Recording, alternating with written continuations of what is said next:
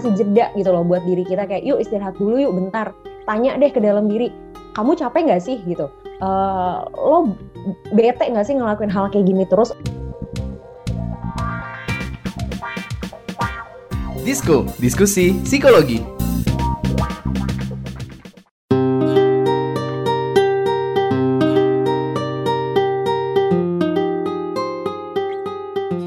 Warriors, selamat datang kembali di podcast Disko, diskusi psikologi persembahan KBR dan Into the Light Indonesia. Hapus stigma, peduli sesama, sayangi jiwa. Apa kabar di Warriors? Mudah-mudahan kalian semua dalam keadaan baik-baik saja, sehat semua. Dan jangan lupa selalu jaga kesehatan. Dan episode kali ini saya Don Brady ditemani oleh Yasmin. Halo Warrior, semoga kabarnya baik ya. Don gimana nih kabarnya? Baik, baik Ah. Yasmin. Nah, kali ini kita mau ngobrolin soal saat rasa hampa menimpa. Uh, langsung gloomy gitu Iya, iya. rasanya. Tapi sebenarnya ya pengen tanya dulu di Bina. Kemarin kan di tanggal 10 Oktober itu ya kita memperingati Hari Kesehatan Mental Sedunia. Yes. Tapi lo sendiri punya cara nggak sih untuk menjaga kesehatan mental? Punya dan Hmm. menurut aku cara itu harus banyak juga ya. Hmm. Aku pun macam-macam caranya. Tapi emang yang paling ampuh itu kalau udah bisa ketemu alam sih. Hmm, Dan sekarang ini tuh lagi ngetren namanya forest bathing. Tahu nggak tuh? eh, Iya. Dan ini asik banget soalnya dong. Eh. Eh, ini self healing tapi emang lu di hutan. Oke. Dan selain selain ya self healing tadi akhirnya juga ditambah dengan praktik mindfulness gitu. Kalau ngomongin soal hutan sih ya, lu gak usah Hmm. ragu sama gue. Nah itu Dulu waktu zaman kuliah itu suka pergi ke gunung, naik gunung. Ya enak aja gitu ke hutan ya, nggak kayak di kota yang rame gitu loh. Tapi kalau gitu lo emang berusaha untuk menghindari keramaian kota dengan Betul. pergi ke hutan. Iya. Kalau gue tuh agak sedikit beda. Justru di tengah keramaian kota gue kadang-kadang ngerasa malah hampa dan kosong. Akhirnya gue lari ke hutan kayak cinta. Waduh. Dan Rangga. Iya, Iya. iya, iya, iya. Artinya itu berarti lo pernah ngerasain ya hampa dan kosong gitu ya, semacam eh, feeling loss lah ya, dan Hmm. nggak tahu mesti ngapain gitu dalam hidup, makanya lari ke hutan. Aduh pernah banget sih dan itu bingung gitu loh rasanya Aha, gitu aha. kan. Katanya orang quarter life crisis atau apalah gitu. Tapi itu kata orang. Kata diri sendiri tuh bingung dan nggak tahu ya. Kalau sekarang gue tanya lo nih Don. Eh. Lo sendiri penasaran gak sih kenapa ini bisa terjadi dan orang-orang yang feeling lost tuh kenapa sih? Gitu. daripada kita sama-sama bingung, Mhm. ya kan, eh, dan belum tahu nih jawaban Mm-mm. pastinya seperti apa, mending kita langsung bahas bareng psikolog yang sudah bareng kita di sini. Kita sudah kedatangan seorang psikolog yang bakal membantu menjelaskan seputar perasaan hampa gue, lo dan kita semua. Kita semua warriors. Ada siapa nih di sini? Ada Kak Indah Sundari, psikolog klinis sekaligus host yang sudah warawiri di TV. Di Kak Indah, hai, apa kabar? halo kabar baik alhamdulillah Don sama. Yasmin gimana kabarnya Alhamdulillah puji Tuhan baik ya. Walaupun hampa tapi nggak apa-apa. Loh, iya gitu. Kak Indah tadi tadi gue sama Yasmin itu sudah ngobrolin soal hampa-hampa dan pergi ke hutan kemudian pecahkan gelas gitu Biar ya. ramai Aduh, referensinya. Tapi anak muda zaman sekarang ya, Kak Indah itu ada aja yang sering ngerasa hampa atau kosong bagaikan jiwa-jiwa yang tersesat gitu loh. Nah mereka nggak tahu mau ngapain dalam hidup, bahkan nggak tahu apa sih sebenarnya tujuan hidupnya. Sebenarnya apa sih itu perasaan hampa dan kenapa perasaan itu bisa muncul di Kak Indah? Oke hampa ya kayak lagunya Ari Lasso ya Eh, kita kenapa tahu nggak Yasmin? tahu sih. ya Kita agak lawas bener juga ya. Aduh. Tahu tahu tahu. Tahu lah ya. Iya, iya. Oke. Nah, kalau misalnya kita ngebahas soal hampa nih, tadi kan eh, Don sama Yasin juga bahas tentang perasaan ya. Mm-mm. Perasaan itu kan ada kaitannya sama emosi ya. Dan kalau emosi itu sebenarnya banyak banget jenisnya gitu. Kita kalau bicara soal emosi dasar, kita mungkin bisa bilang marah, seneng, sedih, takut gitu. Tapi bahkan ada banyak sekali perasaan-perasaan kayak misalnya terharu, eh, terus misalnya terkejut, dan bahkan hampa yang justru jadi bagian dari perasaan itu sendiri gitu loh. Jadi kalau misalnya kita bahas hampa tuh apa, ya bagian dari emosi sebenarnya. Tapi exactly emosi yang seperti apa, itu yang sebenarnya kadang kita sebagai manusia tuh kecampur-campur. Karena saking banyaknya emosi di dalam manusia, bisa aja si eh, berbagai emosi ini jadi satu kesatuan. Nah, salah satunya itu dalam bentuk si hampa itu. Kalau misalnya ditanya nih, misalnya sebelum eh, aku ngejawab deh, kalau misalnya aku nanya versinya Don sama Yasmin, kalau menurut kalian berdua, hampanya versi kalian apa? Aku dulu. Gue Boleh dulu. dong. Iya sama kayak sama kayak lagu Ari Lasso hampa terasa hidupku tanpa dirimu asik. Asik. Karaoke diputer kak. Ya, jadi beda ini. Kalau lu gimana? Kalau gue gue mengasosiasikannya dengan warna. Hampa tuh kayak hitam gitu. Tapi bukan hitam pekat kayak duka. Lah jadi puitis lagi. Berat nih. Tapi kebayang kayaknya ya. ya Ya kebayang udah. kebayang kebayang. Heeh. Lu ngelihatnya ya hitam aja gitu. Masuk terowongan gitu loh, Iya, iya, hampa iya, gitu iya, iya, kan, iya. nggak ada terang cahaya cie. Nah, gitu. oke. Oke, nah dari situ juga kelihatan kan dari Hmm. dua orang yang berbeda aja jawabannya bisa beda loh. Ngasih analoginya bisa beda. Iya, iya. Kalau misalnya kita nanya sama orang nih gitu, sedih tuh apa sih menurut kalian? Pasti rata-rata bilang ya sedih tuh pas lo keluar air mata Mhm. atau sedih tuh pas lo ngerasain sakit tertentu. Jadi lo ngerasa sedih gitu. Rata-rata kalau perasaan sedih tuh bisa lebih universal gitu Hmm. eh, pengertiannya. Tapi kalau hampa ini itu tadi karena berbagai emosi campur aduk jadi satu, jadi bisa jadi pengalaman tiap orang juga beda-beda. Yang jelas memang kalau kita coba tarik garis lurusnya, hampa itu tuh kayak kita memang berada dalam satu titik atau satu ruang di mana kita bingung menentukan ini saya tuh kenapa ya gitu. Yang saya rasain apa, yang terjadi sama saya apa, yang saya mau apa. Hmm. Nah, karena memang campur aduknya itu jadinya bikin kita nih yang ngerasain hampa juga jadi bingung gitu. Kita tuh sebenarnya kenapa sih? Gitu. Bingung nggak? Makin bingung atau malah makin hampa? kayak nano-nano nih ya. Tapi jadi pertanyaannya gini, Kak Indah, apa penyebab munculnya perasaan ini dan apa yang men-trigger eh, kita menjadi seperti itu, Kak Indah? Mm. Karena kita sering Oke. banget ngomong nggak tahu nih, nggak tahu nih kenapa. Mm, mm, mm, Pasti Iya, iya, ada benar, lah gitu penyebabnya. Oke. Oke, oke. Nah, memang itu tadi ya, karena si hampa ini kan percampuran berbagai emosi. Otomatis kalau percampuran berbagai emosi kan pasti berbagai eh, aktivitas dan berbagai hal yang terjadi juga jadinya ikut nyampur gitu loh. Nah, kalau kenapa bisa terjadinya? Pertama, bisa jadi memang kita tidak benar-benar kenal sama diri kita sendiri. Jadi, eh, aku tuh sering ketemu sama klien ataupun orang-orang yang bilang kayak, "Eh, Kak, aku tuh sedih atau aku tuh eh, aku tuh kayak pengen nangis, tapi aku Hmm. tuh nggak tahu aku kenapa Iya, gitu. iya, iya. Atau Sering banget tuh, Kak. "Oh, aku tuh iya nggak sih gitu. Kamu ya? Iya, iya. ini, ini sekalian ini ya, sekalian eh, curcol ya. Curcol nih jadinya. iya, atau misalnya Lagi kayak curcol sama Kak Indah. Iya tuh misalnya kayak Yasmin Hmm. tadi gitu kan Hmm. bisa-bisanya di kota, di tengah kota, di tengah keramaian tapi ngerasa hampa gitu. Ya. Kok bisa gitu kita ngalamin sesuatu yang bertolak belakang dengan eh, lingkungan, dengan situasi gitu. Nah, pada dasarnya bukannya kita nggak tahu kita kenapa, tapi kita belum menyelami diri kita lebih dalam aja. Kenapa kita tidak bisa menyelami diri kita lebih dalam? Bisa jadi karena kita nge-push diri kita terlalu keras untuk ngelakuin berbagai aktivitas. Jadi kayak kita nggak ngasih jeda gitu loh buat diri kita kayak yuk istirahat dulu yuk bentar. Tanya deh ke dalam diri, kamu capek nggak sih gitu? Eh, lo bete nggak sih ngelakuin hal kayak gini terus? Lo lagi Mhm. mood nggak sih untuk Iya. kayak gini? Nah, kalau kita punya waktu untuk diri kita sendiri gitu, itu jauh lebih mudah untuk kita memahami si hampa tadi. Nih hampanya Hmm. kenapa ya? Oh hampa karena ternyata gue kebanyakan kerja nih minggu ini, jadi gue capek banget gitu. Atau oh ini gue hampa karena ternyata salah satu orang tersayang gue lagi hilang nih dari dari deket gue, lagi tiba-tiba gue kayak LDR sama dia atau Aduh. lain sebagainya gitu kan. Mhm. Atau misalnya kayak oh ini gue hampa karena ternyata udah mulai senggol-senggolan ya. Wah, senggol-senggol nih. Udah melirik-melirik nih di studio. Heeh. Hmm.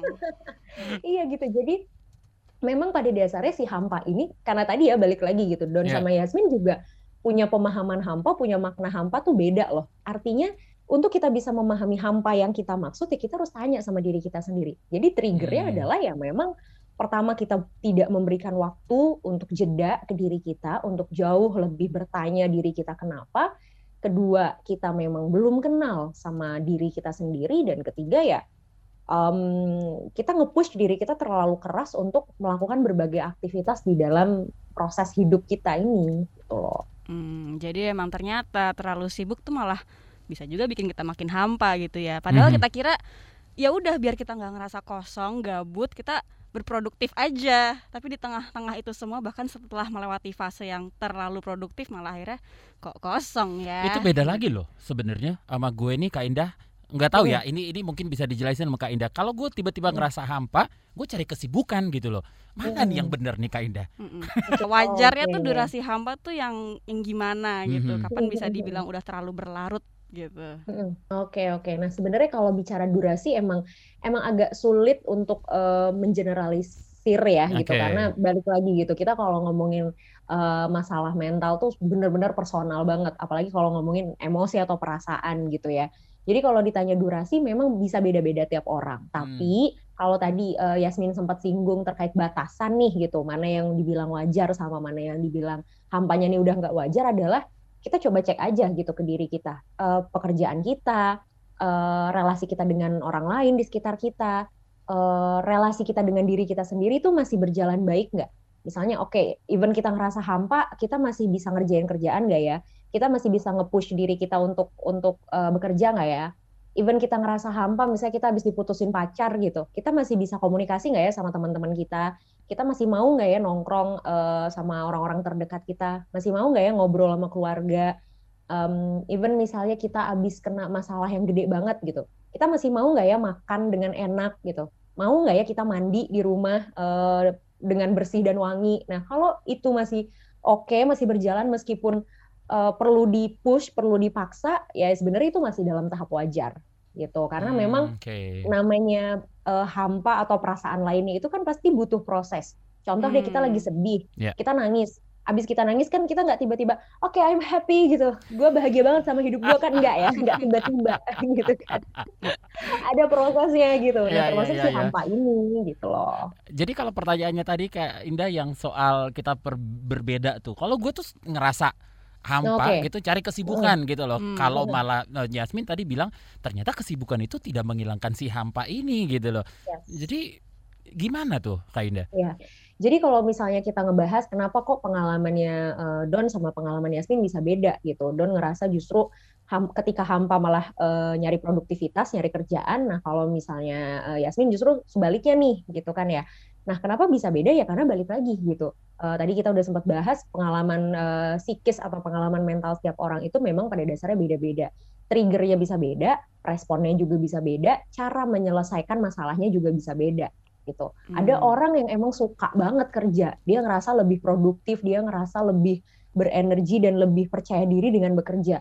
Tapi ada orang yang ya ampun capek banget nih gue kerja mulu, leisure time dulu boleh nggak sih gitu loh. Alasan nah, ada justru mah. orang yang ada orang yang justru malah nyantai malah nggak ada kerjaan tuh dia panik gitu kan dia ngerasa wah nggak bisa nih gue kayak gini gitu jadi ya memang beda ya pasti akan beda karena tiap orang pengalaman dan uh, kebutuhannya juga beda-beda. Kita tadi udah sempat ngobrol gimana perasaan hampa itu supaya masih dalam batas yang wajar kita masih bisa beraktivitas dengan normal gitu ya. Mm-hmm. Tapi mm-hmm. let's say akhirnya perasaan hampa ini udah berlarut-larut dan berlebih atau berkepanjangan. Dampaknya itu apa sih, Kak? Oke, pasti dampak yang pertama akan terasa itu adalah menurunnya produktivitas sih dalam hal apa pun ya, bukan cuma dalam bekerja ya, produktivitas kita secara individu, produktivitas kita secara sosial, produktivitas kita dalam berkarir itu juga pasti akan menurun. Lalu yang kedua, kita mulai menarik diri dari berbagai aktivitas di lingkungan, baik personal ataupun secara kelompok gitu. Itu kita mulai menarik diri. Dan ketiga, kita mulai kehilangan motivasi nih. Kehilangan motivasi ini bukan cuman kayak aduh gue malas kerja terus gue nggak uh, gue nggak mau kerja lagi atau aduh gue malas ketemu orang enggak tapi kehilangan motivasi ini bener-bener nggak punya minat akan apa pun gitu even kayak hal sederhana kayak uh, gue pengen ah uh, hari minggu karena libur gue nonton TV misal gitu minat gitunya tuh nggak ada bawaannya tuh ya emang pengen mager-mageran tidur nggak ngapa-ngapain bahkan untuk sekedar buka medsos pun mungkin enggak gitu mm -hmm. jadi bener-bener kehilangan minat untuk apa pun dan yang terakhir ya ini yang paling bahaya adalah stres berkepanjangan atau bahkan sampai depresi itu sih yang paling bahaya. Oke, okay, hmm. tuh ya. Sebelum kita break, one quick question Kak Indah, uh. uh, ini perasaan hampa atau enggak? Kangen tapi nggak tahu kangen sama siapa. Loh. itu mungkin harus dicari siapanya ya. Itu yang hampa bukan perasaan aja. Siapa Emang dong? hati lu udah hampa banget kayaknya. Kita break dulu ya, jangan kepada mana Warriors. Disko, diskusi psikologi. Oke Google, cariin apa yang lagi trending sekarang dong. Yang lagi viral yang lagi hits. Aduh kamu ini tahunya cuma nyur doang. Lah, dia nolak. Aku bilangin Siri nih. Ya sudah-sudah jangan ngambek dong. Kamu cukup buka KBR Prime titik ide, lalu cari what's trending. Semua dibahas tuntas dengan narasumber yang kredibel, jadi bisa buat referensi kamu. Wah iya nih, keren banget ya. Setiap hari lagi. Betul, dari Senin sampai Jumat. Jangan lupa hanya di KBR Prime titik ide atau di aplikasi podcast lainnya. Makasih ya Mbah Google. Hei kamu ini, saya masih gadis, kenapa dipanggil Mbah? KBR Prime, podcast for curious mind. Disko, diskusi psikologi. We're back Warriors, kita lanjutin lagi nih ngobrol seputar perasaan hampa. Tapi sebelumnya nih ya Don dan Kak Indah, kayaknya kita punya sesuatu dari series Segala Dalam Diam yang bercerita mengenai seseorang yang sedang berada di fase lost soul atau jiwa yang hilang itu. Dan bingung juga ngapain nih dengan hidupnya. Coba ya kita putar dulu, check this out. Apa iya bahagia itu perlu dicari? Kadang, yang perlu kita lakukan hanyalah berhenti sejenak. Lucunya, semua justru terdengar lebih jelas ketika kita diam.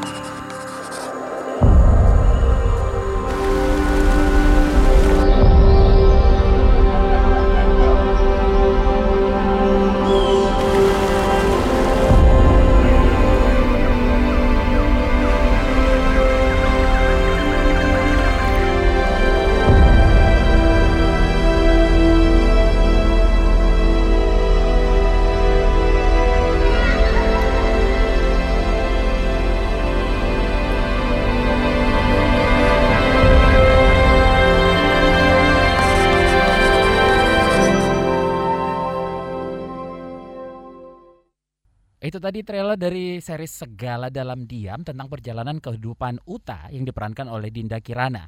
Jadi Uta itu adalah seorang anak muda perkotaan yang sedang terpuruk dalam hidupnya.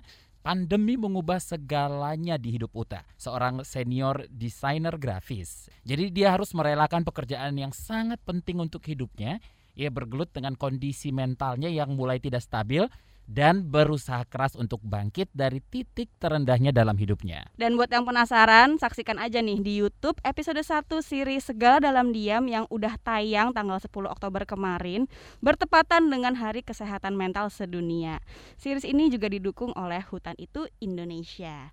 Nah, kita balik lagi ke Kak Indah kali ya, Kak Indah. Oke, Kak Indah, uh, gue mau nanya sedikit nih tentang apa yang disinggung dalam video tadi ya. Jadi tadi Uta itu si pemeran utamanya nanya tuh, apakah kebahagiaan itu harus dicari gitu loh. Hmm. Jadi ini menarik banget sih pertanyaannya. Kalau menurut Kak Indah sendiri bagaimana? Oke, kalau ditanya kebahagiaan harus dicari apa enggak? Iya, harus karena Hmm, Oke. eh, kebahagiaan tuh kan nggak datang kayak durian runtuh brek aja gitu ya, datang dari atas gitu tiba-tiba kita oh kita happy kita dapat bahagia, enggak gitu. Bahagia kita tuh kan kita yang nentuin sebenarnya. Dan Hmm. standar bahagia tiap orang juga beda-beda. Jadi kalau ditanya bahagia harus dicari, ya harus. Tapi bukan berarti hidup kita harus selalu penuh dengan bahagia. Sometimes kalau kita ngerasa sedih, kalau kita ngerasa eh, takut, kita ngerasa jijik, kita ngerasa cemas, itu it's okay banget, nggak apa-apa banget.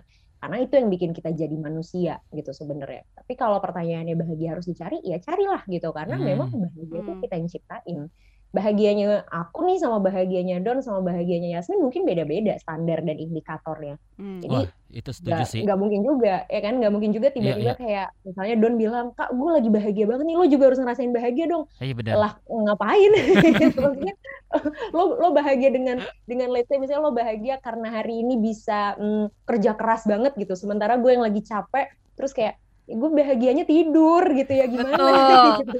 Iya iya iya. Tapi ya Kak Indah, kalau gitu Hmm. apakah dengan mencari kebahagiaan justru bisa menjadi salah satu cara untuk mengatasi si perasaan hampa tadi itu? Hmm. Iya, bener banget. Eh, sebenarnya ketika kita mencoba mencari apa sih yang bikin kita happy, apa sih yang bikin kita punya emosi yang positif lagi, itu kan jadinya bisa mengatasi berbagai hampa yang ada di diri kita.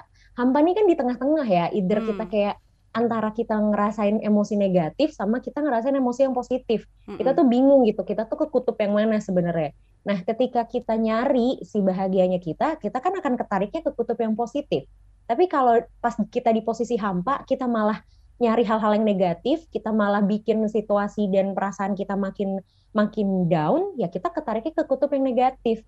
Jadi memang ya pilihan kita dan benar banget e, mencari sesuatu yang bahagia itu bisa narik kita ke kutub yang positif dari si perasaan hampa yang e, basicnya tuh ada di tengah-tengah gitu loh. Kita tadi sempat ngomong tentang lu suka ke hutan juga, ke gunung. Gue juga sebenarnya suka gitu. Nah, berarti kan ini tadi kutub positif kita Hmm. mungkin ada di alam yaitu hutan itu.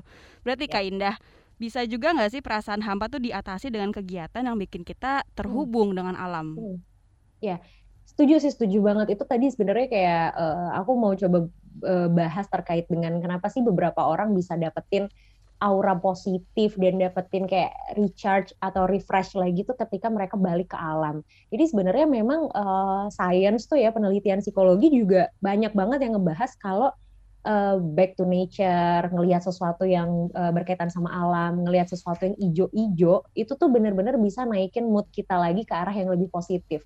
Kadang gini, eh, di situasi kayak gini kan belum tentu kita bisa langsung cering datang ke alam ya gitu. Apalagi buat kita yang mungkin eh, hidup di perkotaan misalnya butuh proses untuk kita bisa eh, datang ke alam gitu loh, Ya. untuk ke hutan segala macam. Nah, kadang ketika memang situasi lagi butuh banget untuk kita eh, back to nature ini, tapi kondisinya nggak mendukung, kita keluar sebentar aja dari kamar kita atau dari rumah kita, kita datang nih ke teras halaman kita atau ke taman depan rumah, kita lihat tuh pohon-pohon atau daun atau tanaman ijo-ijo, itu sebenarnya secara psikologis udah bisa memberikan dampak positif loh. Hmm. Gitu. Dan itu memang penelitian yang dibuktikan oleh banyak banget ahli psikologi. Jadi eh, salah satu rekomendasi sebenarnya ketika kita mau healing atau kita mau bebas dari si perasaan hampa ini, ya datanglah ke alam, kembalilah ke alam, lihatlah sesuatu yang hijau-hijau yang memang basicnya bisa menyegarkan dan membuat mood kita jadi lebih positif lagi. Ini mungkin sebenarnya eh, salah satu saran yang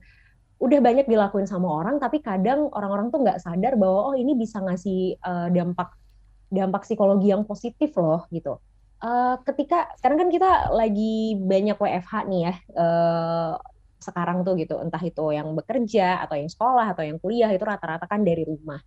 Nah, coba deh untuk nyimpen tanaman hijau di dalam rumah atau di area kerjanya kita supaya ada keseimbangan eh, mood yang positif dan negatif. Jadi ketika kita produktif atau energi kita drain untuk bekerja, untuk kuliah, untuk sekolah, eh, itu di, di apa ya secara psikologis itu disirkulasi dengan adanya si tanaman hijau ini. Yang Hmm. pertama, jadi coba eh, eh, istilahnya kalau di psikologi itu bentuk ruangan hijau. Jadi kasih Oke. sesuatu yang bernuansa hijau di di eh, meja kerja atau di ruangan kita. Lalu yang kedua itu tadi hirup udara segar. Jadi kita tahu time limitnya kita. Ketika kita sudah mulai ngerasa capek, kita udah mulai ngerasa em, oke ini gue kayak udah drop nih. Gue kayaknya Mm-mm. udah nggak mood nih kerja. Ya udah away dulu sebentar lah 5 sampai 15 menit keluar dulu dari ruangan, hirup udara segar, minum, eh, exercise sedikit, misalnya peregangan, baru eh, setelah itu beraktivitas lagi. Dan yang ketiga, ya temukan hobi yang realistis. Jadi di situasi yang sekarang memang kita harus punya waktu untuk diri kita sendiri melakukan hal-hal yang memang basicnya kita suka gitu loh. Dan balik lagi realistis. Jadi kadang tuh gue suka ketemu sama orang-orang yang ya tapi gimana mbak gitu. Gue hobinya main basket. Sekarang kan pandemi Hmm. ya, ya, ya cari yang lain gitu. Maksudnya kita ini kan manusia berpuluh-puluh tahun hidup kan kita nggak cuma ngelakuin aktivitas basket dari kita lahir sampai kita sampai kita gede kan. Iya. Dan coba temuin aktivitas lain selain basket yang memungkinkan untuk tetap kita lakukan dalam situasi seperti ini. Jadi itu mungkin tiga hal sederhana yang bisa kita lakukan untuk keluar atau mengatasi si perasaan hampa yang kadang datang eh, di tengah-tengah situasi kita. Hmm, Oke. Tadi sempat amazed loh. Tadi sempat kaget juga li- pergi 5 sampai 15 menit kirain hari tadi disuruh. Enggak dong. Agak bingung ngambil cuti Enggak Kak dong. Indah 5 sampai 15 hari. Tapi Jadi staycation ya jatuhnya. iya, eh, tapi staycation juga salah satu solusi ya untuk mengurangi Iya, perasaan betul. betul. kan. Enggak 15 hari juga dong. Enggak sih. Agak dicariin orang. Susah cutinya. Tapi eh, Kak Indah, kapan eh, perasaan hampa ini dianggap sudah terlalu parah dan butuh pertolongan? Tadi di awal sudah Mm. sempat ditanya Betul. durasi gitu ya, Mm-mm. nggak ada batas waktunya gitu loh. Tapi kalau Mm. dibilang, wah udah parah nih si hampa lo nih, Mm. Gi cari Kak Indah Gi gitu. Mm, Gimana? tuh? Kapan tuh Kak? Terima kasih bridging ya. Iya. Oke, Eh, kapan kita tahu kalau misalnya si perasaan hampa kita ini udah dibilang eh, masuk masuk kadar parah ya Iya, gitu atau iya. udah jadi eh, warning lah ibaratnya buat kita Iya. ya. Mm-mm. Memang yang pertama paling bisa kita cek adalah dari eh, tiga aspek nih, tiga aspek dalam kehidupan kita sehari-hari. Yang pertama aspek tidur, yang kedua aspek makan, dan yang ketiga aspek beraktivitas atau bekerja kita. Jadi kita lihat dulu di cycle itu nih, cycle tidur kita masih aman nggak ya? Eh, masih 8 jam Hmm. sehari nggak ya? Atau kayak kita udah mulai insomnia misalnya, atau malah tidur terus gitu kan, eh, males banget buat bangun. Terus yang kedua, cycle makan kita gimana? Masih nafsu nggak nih kita makan? Eh, masih rutin nggak kita makan misalnya dua kali sehari gitu, siang dan malamnya tepat nggak nih jam 12 dan jam 7 misalnya, atau eh, around eh, segitulah gitu. Terus kita lihat cycle kita dalam beraktivitas. Let's say kita misalnya eh, mahasiswa, kita masih mau nggak? Kita masih punya willingness nggak nih untuk kuliah? Masih minat nggak untuk ketemu teman-teman di kampus?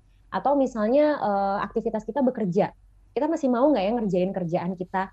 Eh, kita masih masih bisa nerima nggak ya WhatsApp dari orang-orang kantor yang tang tingtung setiap hari misalnya? Mm. Nah tiga cycle itu aja yang paling gampang buat kita ngecek eh, is it okay buat kita ini masih oke nggak ya? Nah Mm-mm. kalau ternyata dari tiga cycle utama itu udah cukup eh, berantakan itu sebenarnya udah jadi warning sih untuk kita eh, datang ke profesional. Bukan untuk diagnose diri sendiri ya bukan Oke, untuk bilang kayak, ya, ya. oke gue udah mulai nggak sehat nih secara mental atau hampa gue udah mulai parah nih.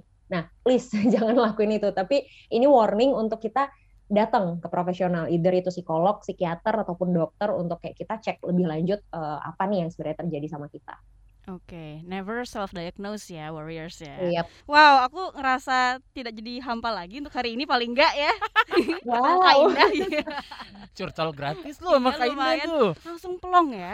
Habis ini aku beli tanaman sih buat di meja, kamar tidur gitu ya. Iya, Kalau iya, kita iya, nggak bisa ke hutan, ya udah hutannya bawa ke kita aja Bener, gitu. bener, bener. nah Oke Kak Indah, terima kasih banget udah bersedia untuk sharing pengetahuannya tentang mengatasi perasaan hampa di episode kali ini dan juga Warriors.